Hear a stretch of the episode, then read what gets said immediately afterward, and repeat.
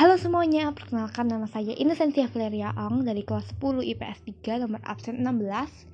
Tetapi pembicaraan hari ini adalah tentang alat musik tradisional dan saya memiliki kesempatan untuk menjelaskan kepada kalian apakah itu suling. Suling adalah salah satu alat musik tradisional Indonesia yang berasal dari daerah Sunda, Jawa Barat. Suling merupakan salah satu dari keluarga alat musik tiup kayu yang terbuat dari bambu. Suling memiliki ciri suara yang lembut dan sangat cocok dipadukan dengan alat musik lainnya. Untuk suling modern saat ini, biasanya terbuat dari perak, emas, atau campuran dari keduanya. Dan suling untuk pelajar umumnya terbuat dari nikel perak atau logam yang dilapisi perak. Suling konser standar ditalakan di C dan mempunyai jangkauan nada 3 oktav dimulai dari middle C. Akan tetapi, pada beberapa suling untuk para ahli, ada kunci tambahan untuk mencapai nada B di bawah middle C.